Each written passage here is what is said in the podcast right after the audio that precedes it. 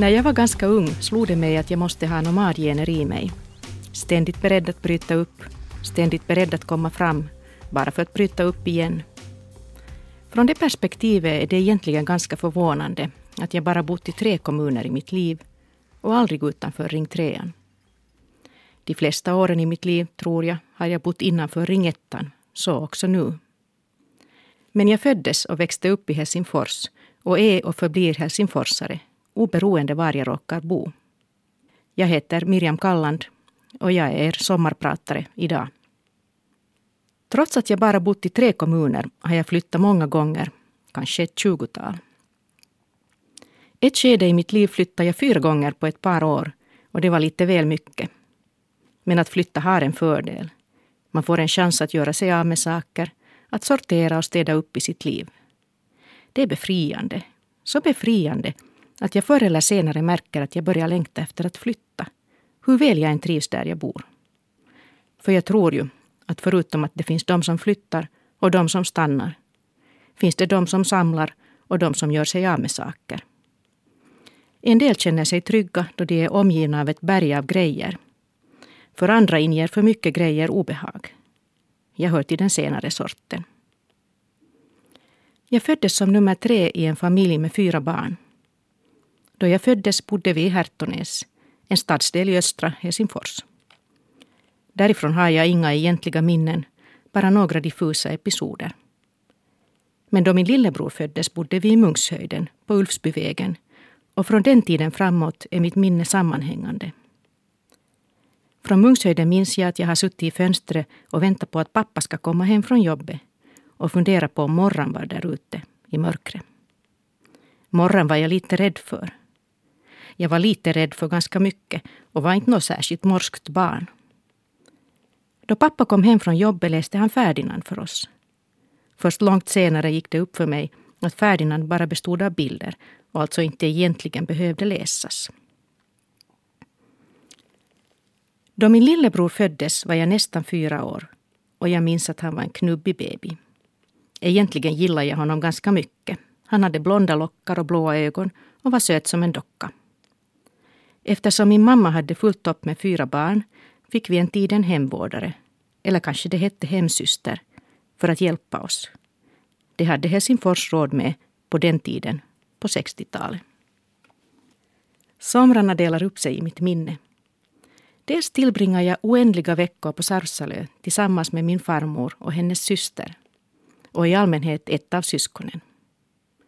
Nu efteråt inser jag ju att det hade varit för mycket för farmor med fyra barn yrande omkring, för vi var väl inte så stillsamma precis. Hur som helst, där fick vi leva ganska fritt. Ströva omkring i skogen och på landsvägarna, ro och mäta. Springa till ladugården efter varm mjölk på morgonen, barfota i dagvått gräs. Mjölken tyckte jag var äcklig. Den var varm.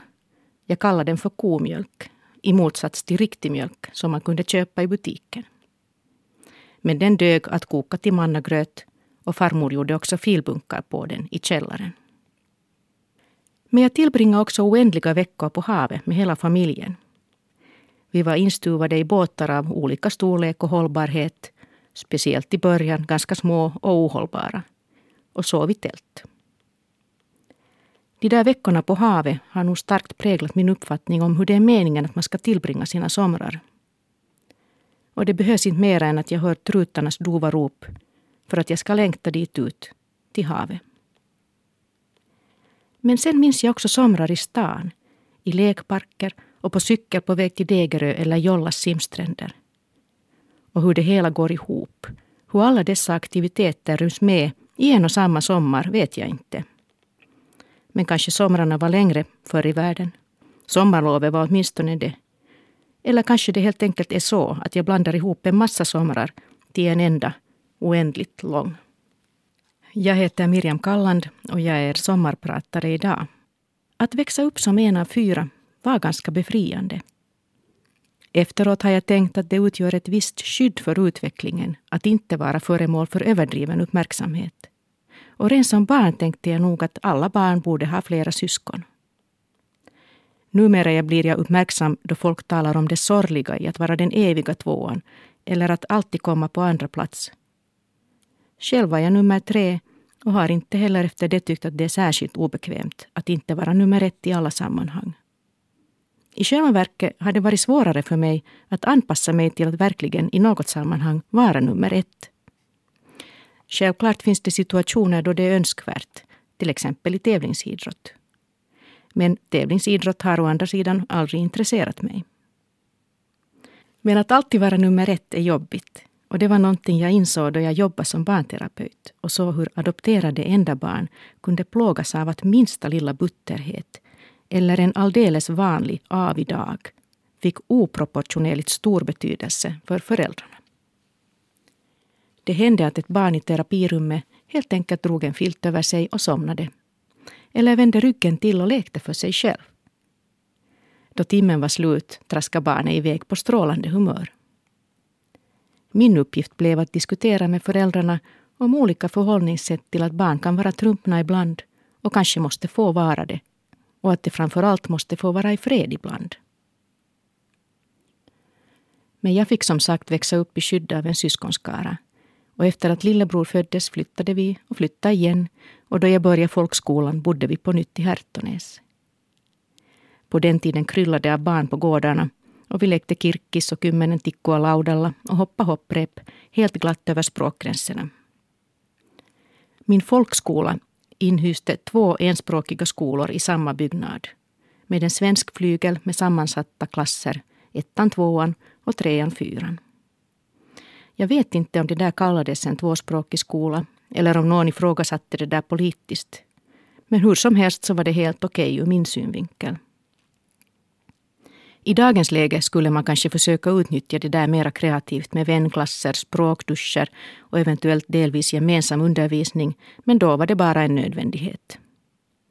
Jag hade gått tre klasser i folkskola när det var dags att söka in till läroverket. Jag minns att min lärare, som jag beundrade mycket, talade med mina föräldrar och rekommenderade mig att söka in redan efter tre klasser. Det där var ju inte självklart på den tiden. Läroverket innebar terminsavgifter och en del av barnen fortsatte i det som kallades medborgarskola. Men jag fick alltså söka in i nioårsåldern till läroverket Laguska flickskolan och det betydde att jag som tioåring tog mig in till stan med två bussar och började i Laguska där min syster redan gick. Min brorsa gick i Lönkan och skolsammanslagningarna i Helsingfors på 70-talet ledde till slut till att också jag gick gymnasiet där. Ingen från min folkskola sökte in till samma läroverk så kontakterna med de kompisarna upphörde där. I Laguska träffas jag sedan de kompisar som fortfarande utgör kärnan bland mina vänner. Vi träffas fortfarande på flickkaffen hos varandra regelbundet, kanske fem gånger i året. Och då fångar vi tråden där den blev då vi senast träffades. En obruten vänskap sedan över 40 år som vi sällan kommer ihåg att fira på något speciellt sätt, men som vi numera fattar att uppskatta.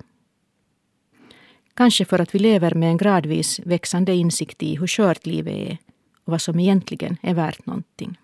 Och mitt namn är Miriam Kalland och jag är sommarpratare idag. Hur har det påverkat min språkliga och övriga identitet att växa upp i ett tvåspråkigt Helsingfors med en gradvis, åtminstone proportionellt sett krympande svenskspråkig befolkning med en finskspråkig mamma som jag visserligen talar svenska med och en svenskspråkig pappa.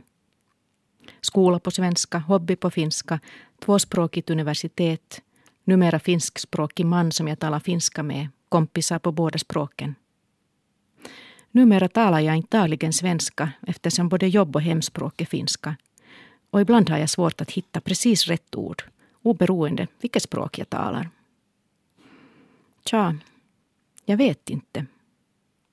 Jag antar att min identitet är svår att beskriva just därför att den är så typisk för en urban tvåspråkig som inte upplever sig särskilt någonting alls. Det typiska för min identitet är väl att vara en iakttagare och lite utanför, i alla sammanhang. En känsla av att aldrig riktigt höra till men om det har något med min uppväxt att göra kan jag inte säga. Min åsikt är nog ändå den att skolan formar vår kulturella flocktillhörighet väldigt mycket och det är värt att tänka på då man funderar på hur skolan ska utformas. Som barn älskar jag att läsa. Ja, jag borde kanske säga att redan som barn älskar jag att läsa. Och jag lärde mig läsa ganska tidigt, långt före jag började skolan.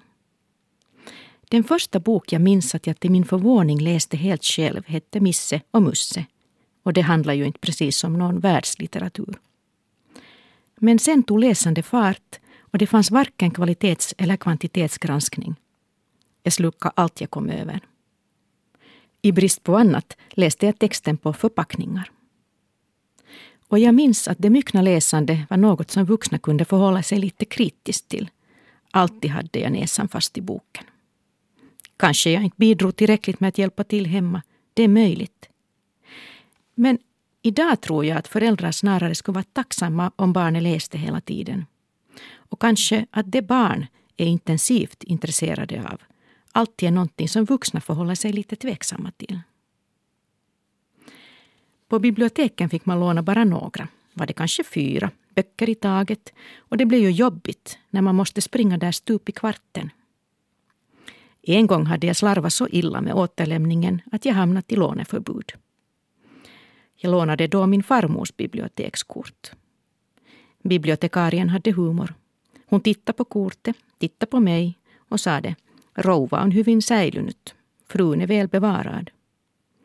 Min farmor var född år 1897. Jag föddes 1961.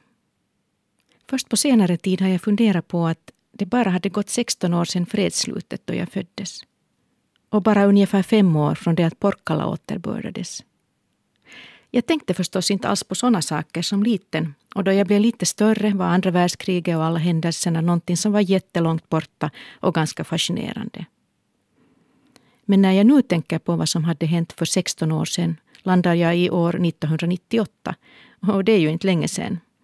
Och fem år, då landar vi 2009 och det var ju typ igår. Det ger ett underligt perspektiv. Jag har tidigare tänkt att fortsättningskriget var långt, långt borta då jag föddes. Jag lekte mest med mina syskon som liten. Trots syskon hade vi också låtsaskamrater, gemensamma sådana, som bidrog till att göra lekarna spännande. Låtsaskamrater verkar för övrigt vara ett fenomen som håller på att försvinna, åtminstone i västvärlden, vilket är en intressant iakttagelse. Låtsaskamrater visar också på att man inte ska underskatta ett barns förmåga att forma sin egen inre verklighet.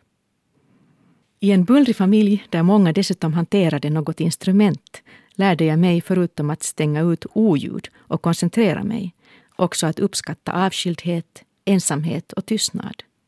Och det är något som jag fortfarande njuter av. Men jag minns också att en stor del av fritiden tillbringades utomhus. Någon organiserad sport deltog jag aldrig i, men jag tyckte om att skida och skrinna, åka pulka och cykla. Med en hett efterlängtad joppo förstås. Och orange var den, fast jag minns att jag egentligen hade önskat mig en citronkul. Varför jag fick en orange vet jag inte, men kanske det gjordes en färg i taget på den tiden. Min egentliga hobby var pianospel och senare sång och det fanns perioder jag drömde om att bli operasångerska. Men det andra som drog var ju läsande och min oändliga vetgirighet. Så till slut drog universitetsstudierna det längre strået trots att jag studerade ganska lättvindigt och satsade mera på musiken. Dessutom drog jag ju den slutsatsen att jag inte var tillräckligt begåvad musikaliskt sett och det avgjorde saken för mig. Mitt val var också helt rätt. Jag har faktiskt aldrig ångrat mig men älskar nog fortfarande att sjunga och spela. Jag har hört sägas att definitionen på en gentleman är en man som kan spela dragspel men väljer att inte göra det. Jag antar att samma definition kan tillämpas på den som vet eller tror sig kunna sjunga men väljer att inte göra det. För mig lyckas det numera ganska ofta. Men ibland blir frestelsen för stor. För ett par år sedan tillbringade vi nyåret med ett par musikervänner. Hur det nu hampade sig så började vi gräva fram noter och sjöng duetter och solo. Och det hela urartade i ett slags karaoke där jag till slut fann mig sjunga i kapp med Jesse Norman. Det var bara en i sällskapet som var publik, alla andra uppträdde. Jag tror det varit mera lyckat om det inte funnits någon alls i publiken. Men det goda med det snedsteget var att jag återupptäckte Jesse Norman som jag av någon anledning glömt bort under årens lopp. Då jag tittar på mina skivfavoriter så undrar jag hur de skulle klara Bechdel-testet. Bechdel-testet är ett otroligt enkelt test på jämställdhet för film som går ut på att två namngivna kvinnor talar med varandra om något annat än män. Och det lär faktiskt vara svårt att hitta filmer som uppfyller den här normen. Men man har föreslagit att något motsvarande kunde tillämpas på musik. Min egen version skulle vara vilken könsfördelning favoritartisterna har och vad handlar till exempel sångerna om. På den klassiska sidan skulle Schumanns Frauenliebe und Leben definitivt fallera svårt. Men visst finns det exempel på lider och operor där hjältinnan har en så att säga manlig attityd till omvärlden. Men nästan alla mina favoritartister är kvinnor. På den klassiska sidan är det lyriska sopraner som dominerar som Soile Isokoski, Kathleen Battle, Jessie Norman.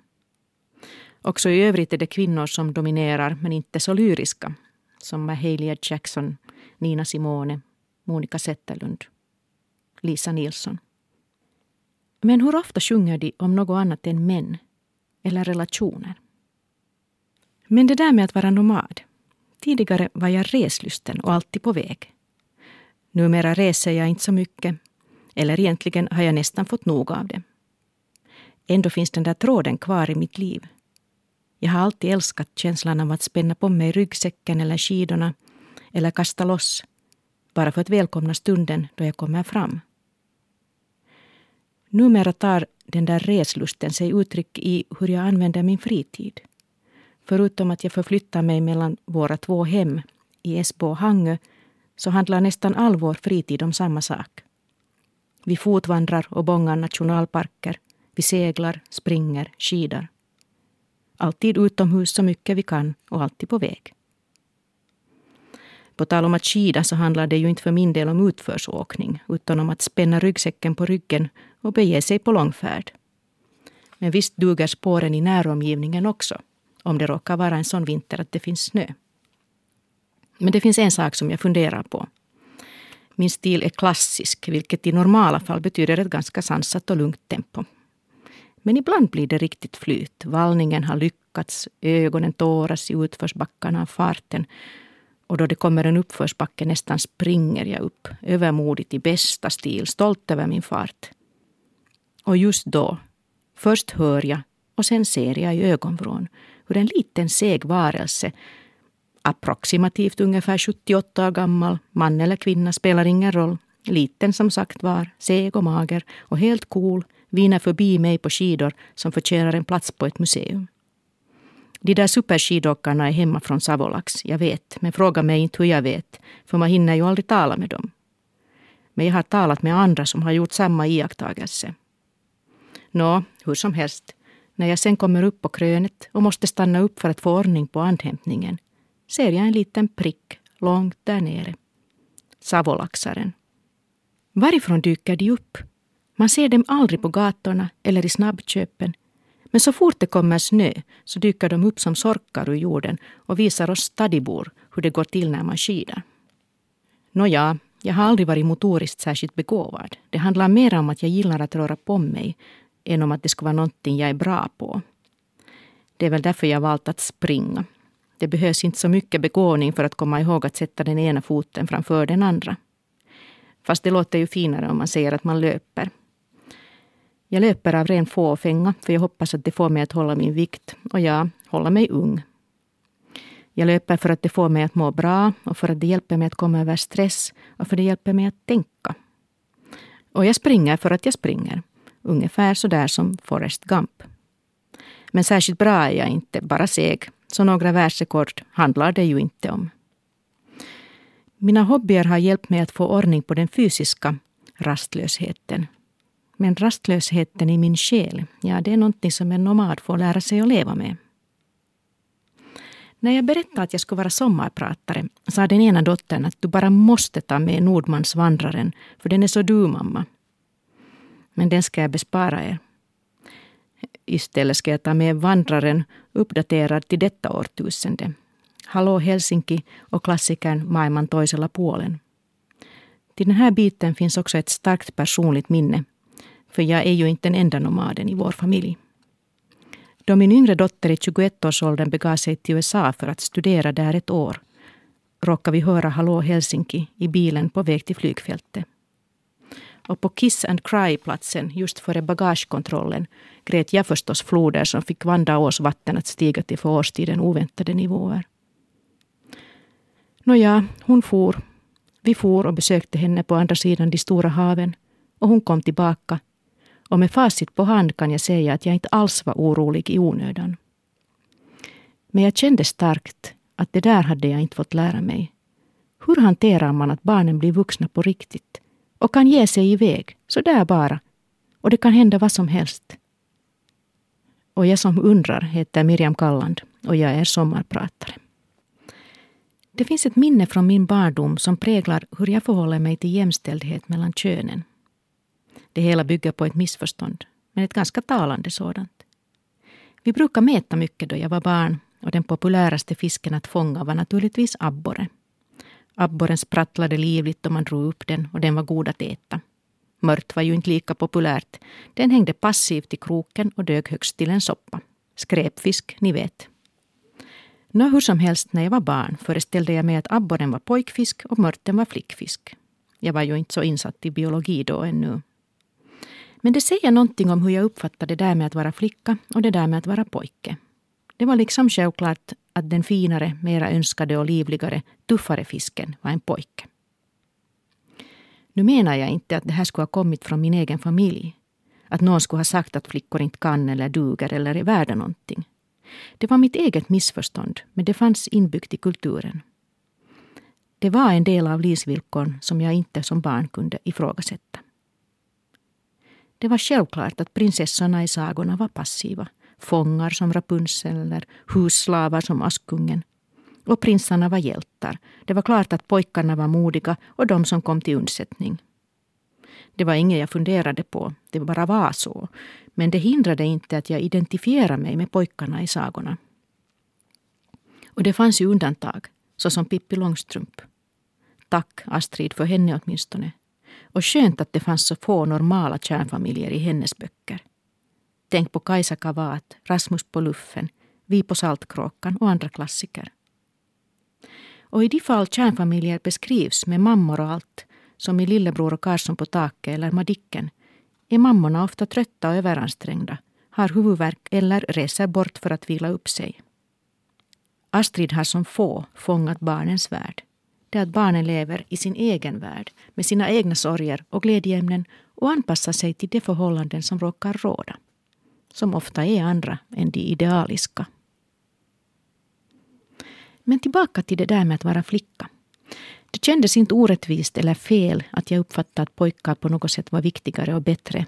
Det bara var så som det var. Självklart. Och jag tror att pojkarna antog det på samma sätt. Oartikulerat, självklart.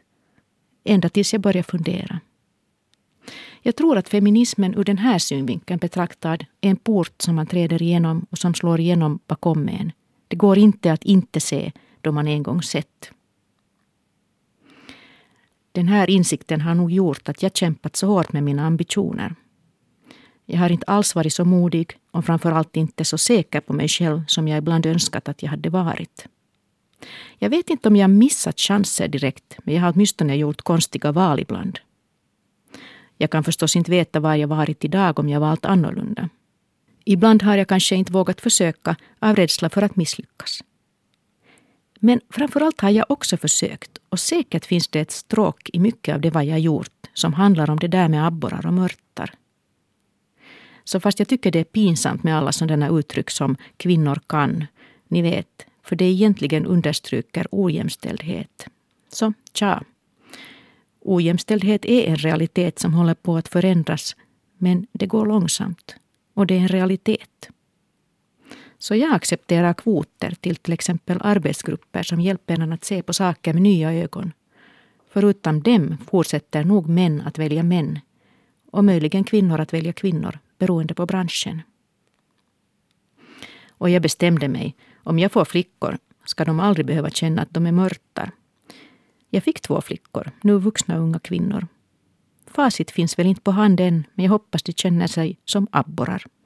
Och vad jag egentligen önskar är naturligtvis att det skulle vara någonting som är allas känsla. Flicka eller pojke, kvinna eller man. I filmen Monica Z finns ett replikskifte där Monica frågar en av sina kärlekar någonting i stilen med att hon känner sig rädd att de ska ta allt ifrån henne. Att hon egentligen inte är värd framgången hon nått. Och hon frågar honom om han inte känt på samma sätt. Nej, säger han. Aldrig. Efteråt funderar jag. Jag tror det är en vanligare känsla hos kvinnor. Rädslan att bli avslöjad på något sätt. Att alla ska märka att man egentligen inte duger och att allt ska tas ifrån en. Jag tror att det där hänger samman med min teori om abborrar och mörtar. Om man tror sig vara mört så platsar man ju inte i de där fina sammanhangen, hur väl man än kamouflerar sig. Med tilltagande ålder har jag i alla fall insett att det inte bara är de kvinnliga livsvillkoren som kan vara svåra. Det är svårt att vara människa, att bli människa, helt enkelt. Och sen då man äntligen börjar lära sig det är det liksom dags att dra vidare. Men länge inbillar jag mig att det finns människor som är så i grunden nöjda med sina livsval att de inte ifrågasätter dem. Att det som just de gör känns meningsfullt och riktigt i alla sammanhang.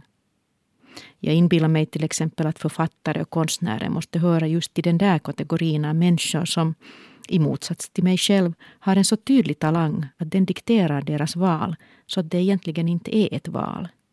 Och att de därför är nöjda med att skriva, komponera, dirigera, regissera eller vad de nu gör.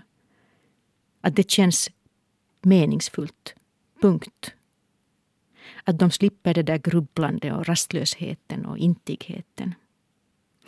Att den där mörka avgrunden aldrig lockar dem, att släppa taget inte är ett alternativ. Med tanke på hur mycket sorgliga författare och konstnärsöden det finns är det ju ganska märkligt att jag har haft sådana tankar. För det kan ju vara precis tvärtom. Att just de som är talangfulla och gör skapande och meningsfyllda yrken är de som ifrågasätter sin existens och sitt skapande mest. Medan andra som har mindre komplicerade jobb är ja, nöjdare på något sätt. Jag vet inte. Fortfarande biter jag mig fast i tanken att det finns människor som åldras med tilltagande visdom och sedan ser nöjda tillbaka på sina liv. Och jag tänker att det också handlar om ålder och livsskeden. Det paradoxala med livet är att först är man full av energi och strävar efter att gripa tag och ta för sig. Sen svänger det hela och man måste lära sig att släppa taget, ge ifrån sig, minska och trappa ner. Och alltid gör det ju lite ont och alltid är det lite risigt och ingenting blir någonsin färdigt. Och det borde ju passa en nomadsjäl. Men sen gör det det ju ändå inte. Och just därför är det en sån Lisa att läsa böcker, att känna igen sig och hitta nya och häpnadsväckande tankar. Men jag förhåller mig skeptisk till människor som säger att de inte ångrar någonting. Hur kan en människa vara så ofelbar att den inte gjort någonting som den inte skulle med facit på hand ångra?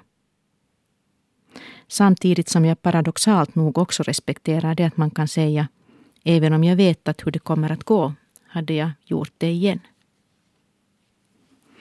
Och det är ju någonting som gäller för mig, vilket inte hindrar att det finns minnen som svider.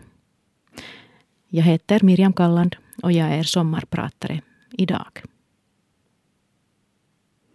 Och sen barn. Varför blev det så att barn och barns utveckling fascinerar mig det kan jag inte svara på, tyvärr. Men det handlar om ett intresse som är såväl intellektuellt som emotionellt.